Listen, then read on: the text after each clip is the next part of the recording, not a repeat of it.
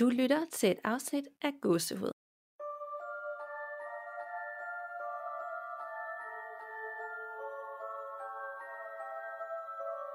Hej Danika. Hej Danika.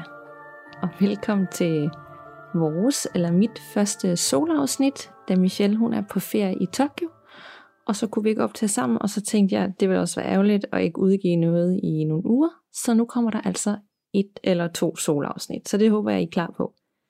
Og velkommen til episode 11 af Gåsehud. Jeg er selvfølgelig spændt, hvordan det går på med at optage i dag, da det faktisk er en million gange mere uhyggeligt, når man sidder alene. Især nu, hvor det klokken er halv ni om aftenen, og det er mørkt, og jeg sidder inde i vores lille soveværelse, og det er bare noget helt andet, når vi er vant til at optage, når der er dagsløs. Den eneste trøst, jeg har, det er, at I lytter med derude, så på en eller anden måde, så er jeg ikke helt alene. Jeg prøvede ellers at overtale Rasmus til at optage med mig, men han tror jo ikke så meget på alt det her overnaturlige noget, som jeg gør. Øhm, så jeg ved, at han par på forhånd vil være vildt skeptisk, og det vil måske ikke være den fedeste tilgang til det, når jeg er hende naiv, der tror på alt og meget godtroende, og så er der ham, der bare vil komme med sin videnskabelige tilgang til det og tale det hele ned. Så jeg tænkte, nu prøver jeg lige selv, fordi inderst så gider han slet ikke snakke om sådan noget. Det er også fint, ikke? Og som altid, så øh, vil vi normalvis fortælle jer, hvad der er sket i den seneste uge af uhyggelige ting. Og i mit liv, fordi nu kan jeg jo ikke spørge Michelle, så er der umiddelbart ikke sket det helt store, hvilket nok bunder i, at jeg både er træt, og så er jeg simpelthen for travlt til at bemærke øh, de spøgelser, der eventuelt vil bo herhjemme. Men jeg har set den nyeste Halloween-film, hvis nogen af jer kender til dem, og den var virkelig god, så den kan jeg anbefale til jer derude. Den havde alle de der gode gyserscener med fra 80'erne, som bare kan noget andet end gyserfilm kan i dag. Så på en eller anden måde er det som at gå tilbage i tiden, og jeg fik flere chok undervejs. Især hvis man spørger Rasmus. Altså det var, det var virkelig, virkelig god, så den skal I til at se. Og hvad skal vi så se næste gang? Fordi nu er jeg jo blevet lidt mere modig og tør at se nogle gyserfilm igen. Det er faktisk en meget god øvelse for mig, det her podcast, fordi jeg tør en masse.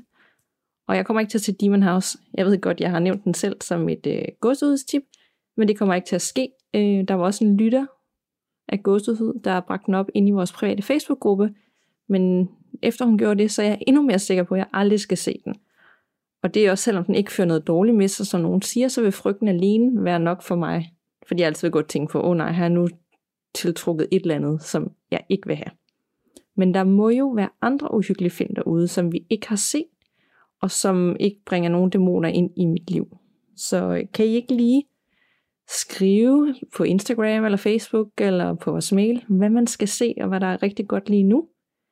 Øhm, jeg vil helst se det, mens solen skinner, og der er folk omkring mig, det bliver måske ikke øh, virkeligheden, men øh, så har jeg noget at se frem til. Og som altid, jeg er Danika stemme, den eneste stemme i dag, helt og dels alene. Det er som sagt sen aften her, og lejligheden er helt stille, børnene sover. Så jeg ved ikke lige, hvad jeg har tænkt på. Det, det er ikke det smarteste, jeg har gjort.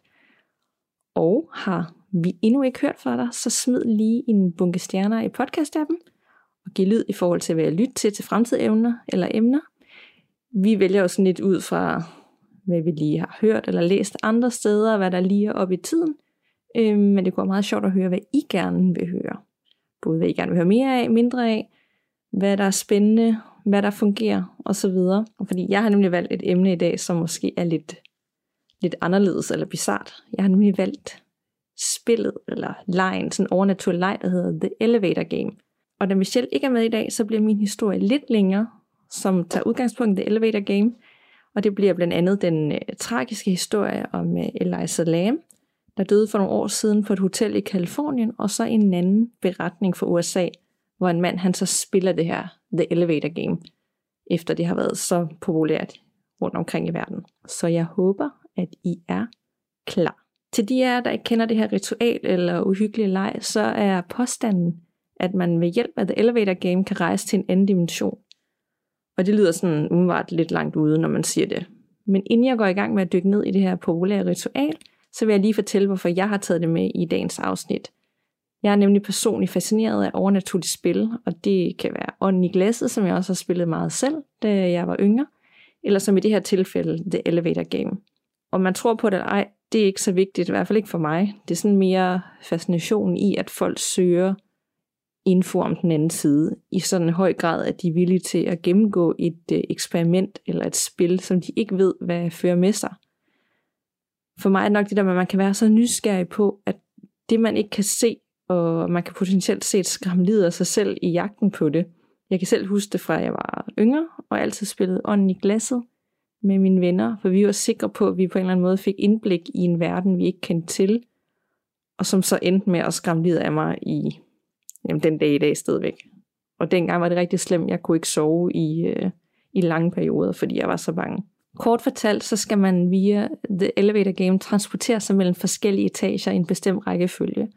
Og pludselig sker der sådan nogle overnaturlige ting, som munder ud i en kvinde, der kommer ind i elevatoren. Og hun er så efter sigende en ånd, der er sendt for at lede personen, der leger lejen på afveje, og så åbner porten sig til den anden dimension. Og det er jo ikke så godt. Jeg fik kendskab til lejen gennem Two Girls One Ghost podcastet, der nævnte det i en af deres afsnit, men også igennem historien om hende her, den unge studerende, Eliza Lam. Og nogle af jer har måske hørt om, det var sådan meget i nyhederne overgang, jeg tror det er en 3-4 år siden. Hun døde nemlig på mystisk vis, øh, da hun forsvandt sporløst fra det hotel i USA, hun boede på. Og hendes liv blev så senere hen fundet i husets vandtank øverst på bygningen et par dage efter, da folk begyndte at beklage sig over, at vandet smagte mærkeligt. Det mærkelige er dog, at man ikke kan komme ud på taget oven på det her hotel, uden alarmen går i gang, og man kan heller ikke løfte låget på den her vandtank, og jeg skal, I kan selv søge det frem, men ellers er der altså billeder af hotellet ovenfra, man kan se, at det ikke bare, det er en kæmpe vandtank.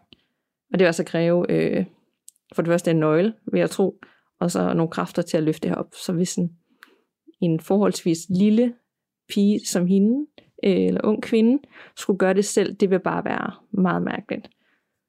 Så spørgsmålet er, hvad skete der lige? Øh, blev hun myrdet? Øh, og hvem? Hvis det var mor, var det selvmord? Øh, hendes død er indtil videre uopklaret her, stadigvæk nogle år efter. Jeg skal nok sætte øh, nogle links ind til historien om hende i den private Facebook-gruppe, så I kan læse mere om den mærkelige aften på hotellet, og hvorfor det hele bare ikke rigtig hænger sammen.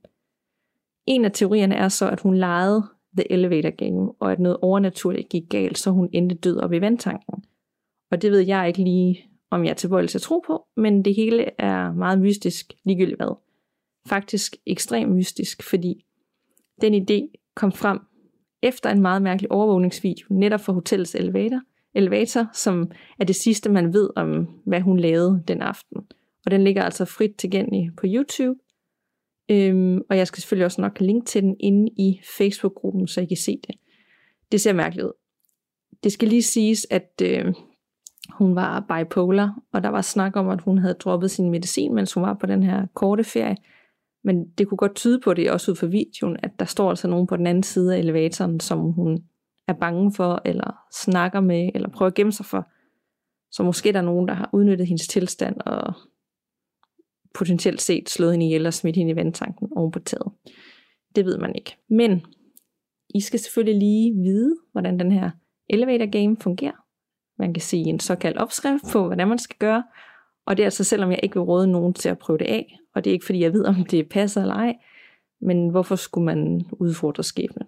Men den elevator, man skal bruge, skal have minimum 10 etager, før at man kan udføre ritualet fordi de vildeste oplevelser skulle efter sine også ske, hvis man udfører lejen om natten, og gerne klokken 3. Så det første man gør, det er, at man skal gå ind i elevator i stueetagen, så skal man trykke sig op på fjerde etage, hvor man skal blive i elevatoren. Man skal trykke på anden etage, hvor man bliver elevatoren. Så trykker man så på 6. etage, hvor man stadigvæk bliver elevatoren. Tryk på anden etage, blive elevatoren. Nogle mener, at det her, de begynder at høre nogle stemmer, der kalder på den, når de er på det her niveau. Så trykker man så på 10. etage, og man bliver elevatoren. Man trykker på 5. etage, bliver elevatoren. Og har man gjort det korrekt, så skulle der komme en dame ind på det her tidspunkt. Man må ikke kigge på hende, man må ikke tale med hende, og i det hele taget skal man bare ignorere hende, selvom hun prøver at komme i kontakt med hende. Så skal man trykke på første etage, og nu skulle elevatoren så køre opad i stedet for nedad og stoppe på 10. etage. Derefter så træder man ud i den anden dimension, og kvinden vil forsøge at stoppe dig og kalde på dig og spørge dig om mærkelige spørgsmål. Hvor skal du hen?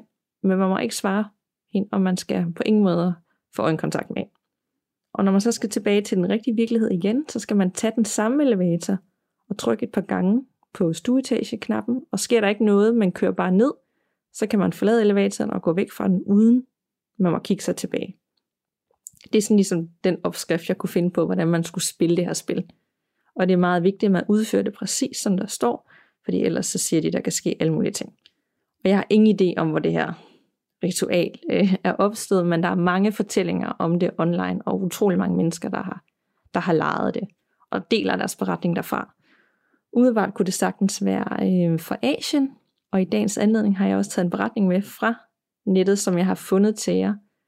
Og det, som jeg sådan bider mærke i, når jeg har søgt efter beretning, det er, at de næsten alle starter med, do not play this game. Så det kan man jo så tage med videre, hvis man har tænkt sig at spille det selv. Den første beretning, den har titlen, jeg læste om det vel, Elevator Game på internettet, og jeg bestemte mig for at teste af. Og beretningen den kommer her. Jeg læste for første gang om elevatorlejen på nettet. I bund og grund forklarede den blot, hvordan man skulle gå ind i en elevator, trykke på nogle knapper i en bestemt rækkefølge, og når du gik ud, ville du være i en anden dimension. Den anden verden, om man vil. Som en parallel verden, hvor man være det eneste menneske. Himlen vil være mørk, og man vil se et rødt kors i horisonten. For at komme tilbage til sin egen dimension, vil man skulle trykke på den samme rækkefølge af knapper, og hvis man ikke gør den del rigtigt, vil der være en chance for, at man vil være fanget i den anden dimension for altid. Kort fortalt. Det lyder skørt, ikke? Når ja, så er der også den del med en dame, der vil komme ind i elevatoren på en af etagerne, mens man prøver at gennemføre ritualet. Det anbefales, man på ingen måde kigger på hende, eller på nogen måde anerkender, hun er der. I så fald er der tale om, hun vil tage dig med eller holde dig tilbage. Hvad fanden skal det betyde? Efter at have læst om lejen for et par måneder siden, så kom det pludselig tilbage til mig en dag på arbejde. Jeg kan ikke forklare, hvorfor jeg pludselig fik tanken i hovedet. En af reglerne er nemlig, at man skal udføre lejen alene. Hvis man har nogen med, eller hvis man bliver afbrudt undervejs, så virker det ikke. Ligesådan skal man bruge en bygning med minimum 10 etager. Det var fredag aften på arbejde, da tanken ramte mig igen. Jeg havde ingen planer for weekenden, så jeg bestemte mig for at køre tilbage til arbejde lørdag morgen og teste lejen i elevatoren. Jeg tænkte, det ville være bedre at udføre lejen et sted, jeg kendte, og siden det var lørdag, ville jeg ikke støde ind i nogen mennesker. Jeg kørte afsted, efterlod bilen på parkeringspladsen og gik hen til bygningen. Kvinden ved sikkerhedsindgangen, Sophie, hun bød mig velkommen og var overrasket over at se mig i weekenden. Efter lidt small talk, så spurgte jeg hende, om der var nogen på kontoret i dag, og hun sagde, at jeg var den eneste. Så langt, så godt. Jeg gik ind i elevatoren, tjekkede er der engang min telefon for udførelse af spillet, og de mange forskellige etager, jeg skulle trykke på. Jeg skal nok lige nævne, at den sidste knap, man skal trykke på i ritualet, er den første etage, men hvis lejen har virket, vil elevatoren bevæge sig mod 10. etage i stedet. Den idiot, som jeg er, formår jeg allerede at lave fejl i mit første forsøg. Pis. Jeg trykker på stueetagen for at starte ritualet igen. Jeg møder Sophie igen, og hun spørger, om alt er okay. Jeg lyver og siger, at jeg har glemt mine nøgler i bilen, og jeg starter forfra. Jeg går ind i elevatoren igen og går hurtigt igennem rækkefølgen og slutter af med at trykke på knappen til stueetagen. Dog går elevatoren ikke til 10. etage, som den burde. Den gør blot, som en normal elevator vil gøre. Der er ingen uhyggelig kvinde, der havde hoppet på, da jeg ramte 5. etage, som lejen ellers sagde det, hun ville. Alt virkede normalt. Jeg overvejede, hvad jeg skulle sige til Sophie, når jeg kom ned igen nogle minutter siden sidst. Jeg kiggede op på sikkerhedsdisken og frøs. Der sad en mand. Og når jeg siger sidder, så mener jeg sidder som i fuldstændig stille uden bevægelser. Kig ned i den blå luft. Jeg spørger ham. Hvor er Sophie? Han drejer sig langsomt mod mig og ryster på hovedet. Hvad fanden skal det betyde? Er hun gået, spørger jeg i frygt. Han ryster på hovedet igen. Hans mund var åben, men ingen lyd kom ud. Jesus fucking Christ, tænker jeg. Jeg tænker, jeg hellere må gå. Det her det er for uhyggeligt. Så snart jeg gik ud af døren, frøs min krop. Himlen var helt sort. Ingen stjerner. Klokken var 11 om formiddagen, så det var ikke muligt. Jeg kiggede på min telefon. Ingen forbindelse. Jeg skyndte mig over til parkeringspladsen, men den var tom. Min bil var der ikke. Jeg begyndte at gå i panik. Den eneste forklaring var, at spillet alligevel måtte have virket. Men det jeg oplevede var ikke det, jeg havde læst. Der var ikke noget rødt kors i horisonten, og jeg var slet ikke alene. Sikkerhedsvagten sad jo lige der. Jeg overvejede mine muligheder og bestemte mig for at gennemføre ritualet igen. På den måde måtte ting jo blive normale. Jeg gik ind i bygningen for tredje gang. Denne gang sad der en anden mand ved sikkerhedsdisken. Som jeg kiggede på ham, frøs jeg for tredje gang. Han kiggede på mig og smilte. Men ikke et hyggeligt smil. Det var helt off i forhold til det menneskesmil, man kender, og han manglede en masse tænder. Uden at kigge på ham, gik jeg ind i den samme elevator. Det er nemlig en af reglerne. Altid brug den samme elevator. Jeg gennemgik hele forløbet, og lige før jeg ville trykke på stueetagen, stoppede elevatoren på fjerde etage. En mand kom ind. Jeg er ikke dum nok til at kigge op, selvom spillet sagde en kvinde vil komme ind. Jeg vidste, at jeg ikke måtte anerkende tilstedeværelsen. Men det var ikke femte etage, og det var ikke en kvinde. Eller måske var det en kvinde. Jeg kiggede jo ikke op, men kun ned på mine egne fødder. Hallo, hvordan har du det i dag, sagde manden. Elevatoren begyndte at køre op. Fuck, tænkte jeg. Vi skulle jo ned, ikke op. Elevatoren stoppede på 10. etage. Manden gik ud. Jeg trykkede hurtigt på stueetagen. Ha' en god dag, sagde manden. I lige måde sagde jeg. Goodbye. Fuck, hvorfor var jeg høflig? Jeg skulle jo ikke sige noget. Manden vendte sig om og gik hurtigt tilbage mod elevatoren. Jeg trykkede på lukdøren hurtigt, og døren lukkede i, lige inden han skulle til at gå ind. Jeg hørte ham hamre på døren, som elevatoren kørte ned. Jeg bad til Gud og stod af i stueetagen. Hej, du tilbage igen, sagde Sofie overrasket. Jeg gik ud. Jeg svarede hende ikke, men stirrede blot på hende. Hvad, sagde hun. Øh, ingenting. Jeg må hellere komme hjem, imens jeg stadigvæk panikkede indeni. Jeg gik hurtigt hen til bilen. Himlen var lys igen, og jeg kunne se min bil. Jeg kørte direkte hjem og skyndte mig indenfor. Jeg researchede online med andre folks erfaringer, men kunne intet finde om det, jeg netop havde oplevet. Det er sidste gang, jeg nogensinde spiller nogen af de her overnaturlige spil, og jeg har været advare alle andre imod det samme. Og det var så den beretning, jeg fandt for ham her manden. Der er et hav af andre beretninger, ud over den, jeg lige har læst op for jer, men dem skal jeg nok linke til selvfølgelig. Der er nogen fra USA, der er nogen fra nogle andre lande. Nogle de oplever øh, det samme, som der står i selve spillets regler, nemlig den her kvinde, der kommer ind på femte etage, der snakker til den, og hvor man skal ignorere hende. Og hvis man ikke gør det, så øh, kan hun pludselig blive meget aggressiv, eller prøve at drive en til vanvid. Nogle de oplever slet ingenting, og så er der nogen, der oplever noget helt tredje, som ham her, fyren, som ikke helt kunne forstå det. Om det passer eller ej, så er det skræmmende at læse. Øhm, en ting er sikkert, jeg skal aldrig nogensinde prøve det. Rasmus han tror ikke på det, så han mener jo sagtens, at han kunne gøre det, fordi der ligger ikke noget i det. Og det er også super fint, men jeg tænker bare, at det er bedst, at vi helt undlader og begynde at kaste os ud i et eller andet overnaturligt spil, ligesom jeg heller ikke synes, at man skal begynde at spille ånden i glasset bare for at prøve det. Vi har faktisk en bygning i siden af, hvor vi bor med 12 etager, men nej, det kommer ikke til at ske. Hvis I har hørt om uh, The Elevator Game, eller hende her, Elias Salam, så gad jeg godt høre, hvad I tænker om det hele, fordi jeg kan godt se, når man sådan læser om, at der er et spil, og man skal trykke på nogle bestemte knapper op og ned, og man vil tilkalde et eller andet, at det lyder langt ud. Og det synes jeg også.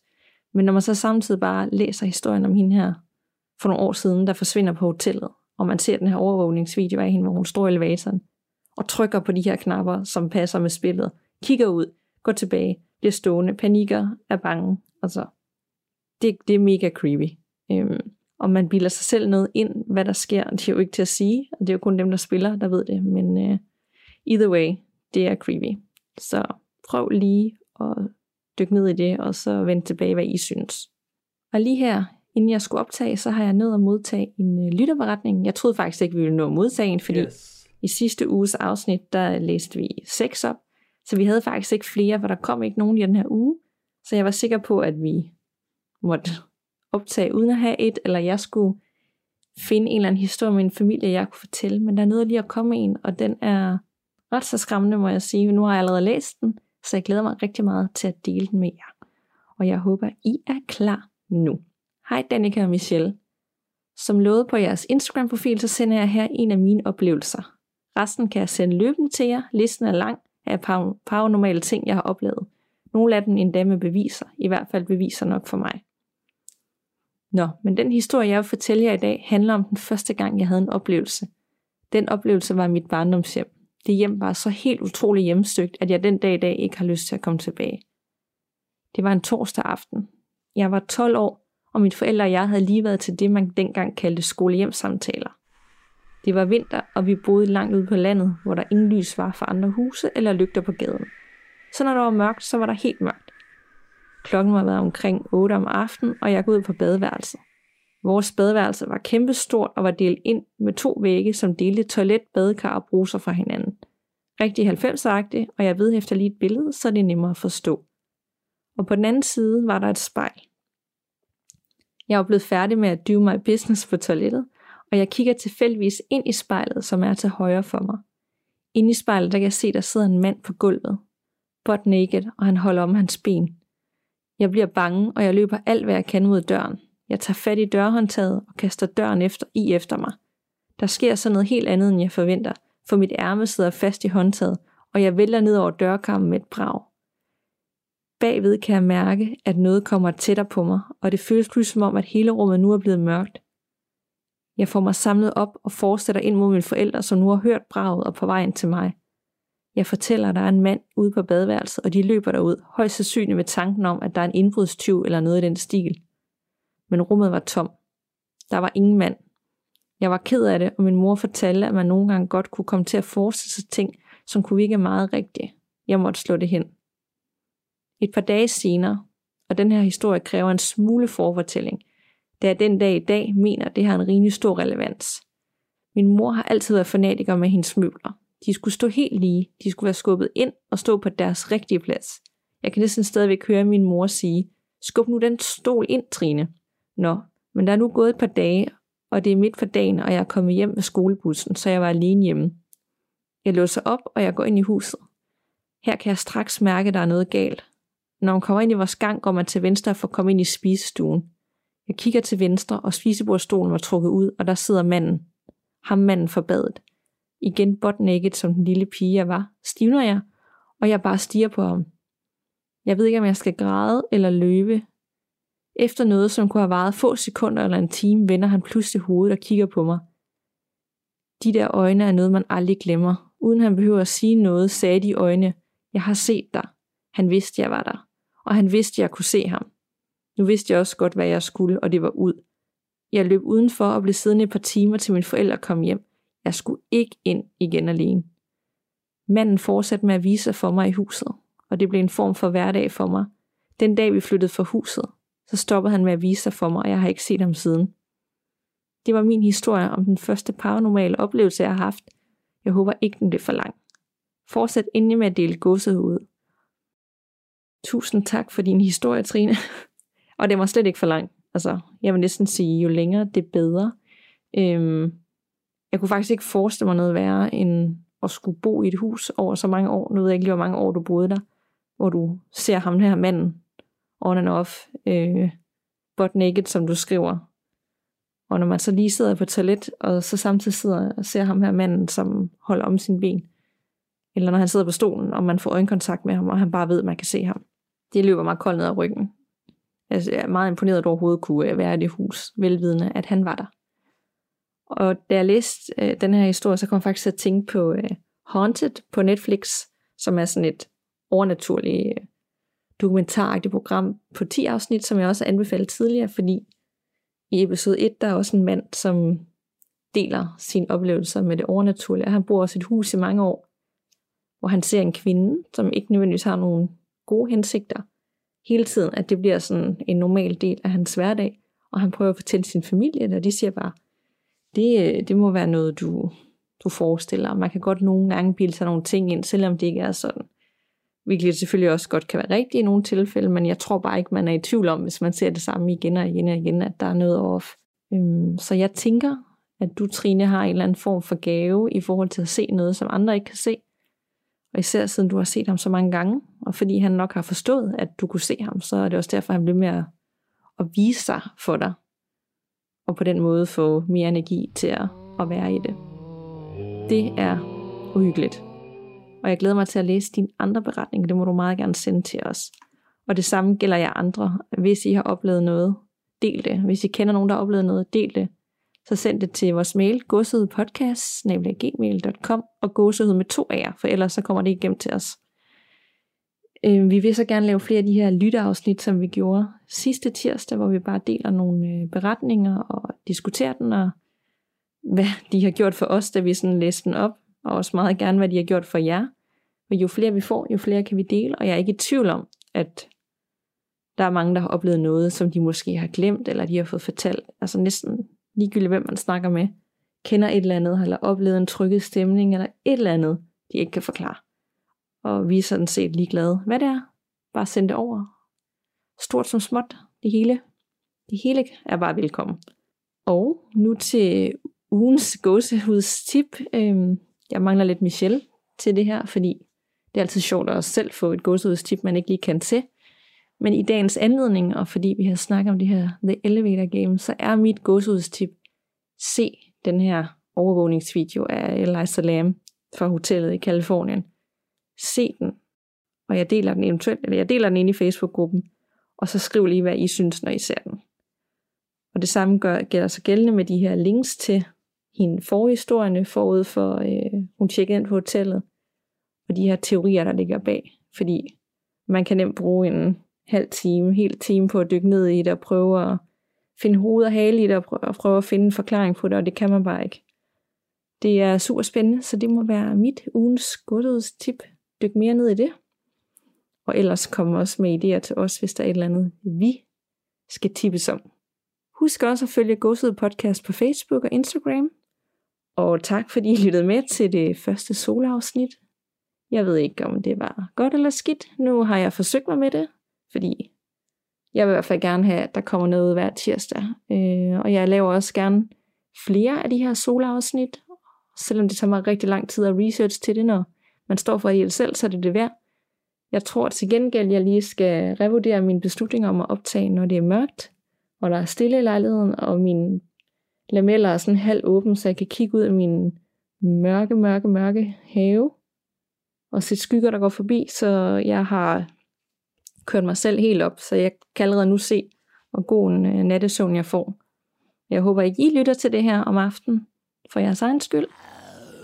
Og hvis I gør, så går det nok også. Så, må, så håber I har en eller anden at sove siden af, så I ikke øh, spukker jer selv helt ud. Vi lyttes ved, og pas på derude. Man ved jo aldrig, hvad der venter bag den næste dør.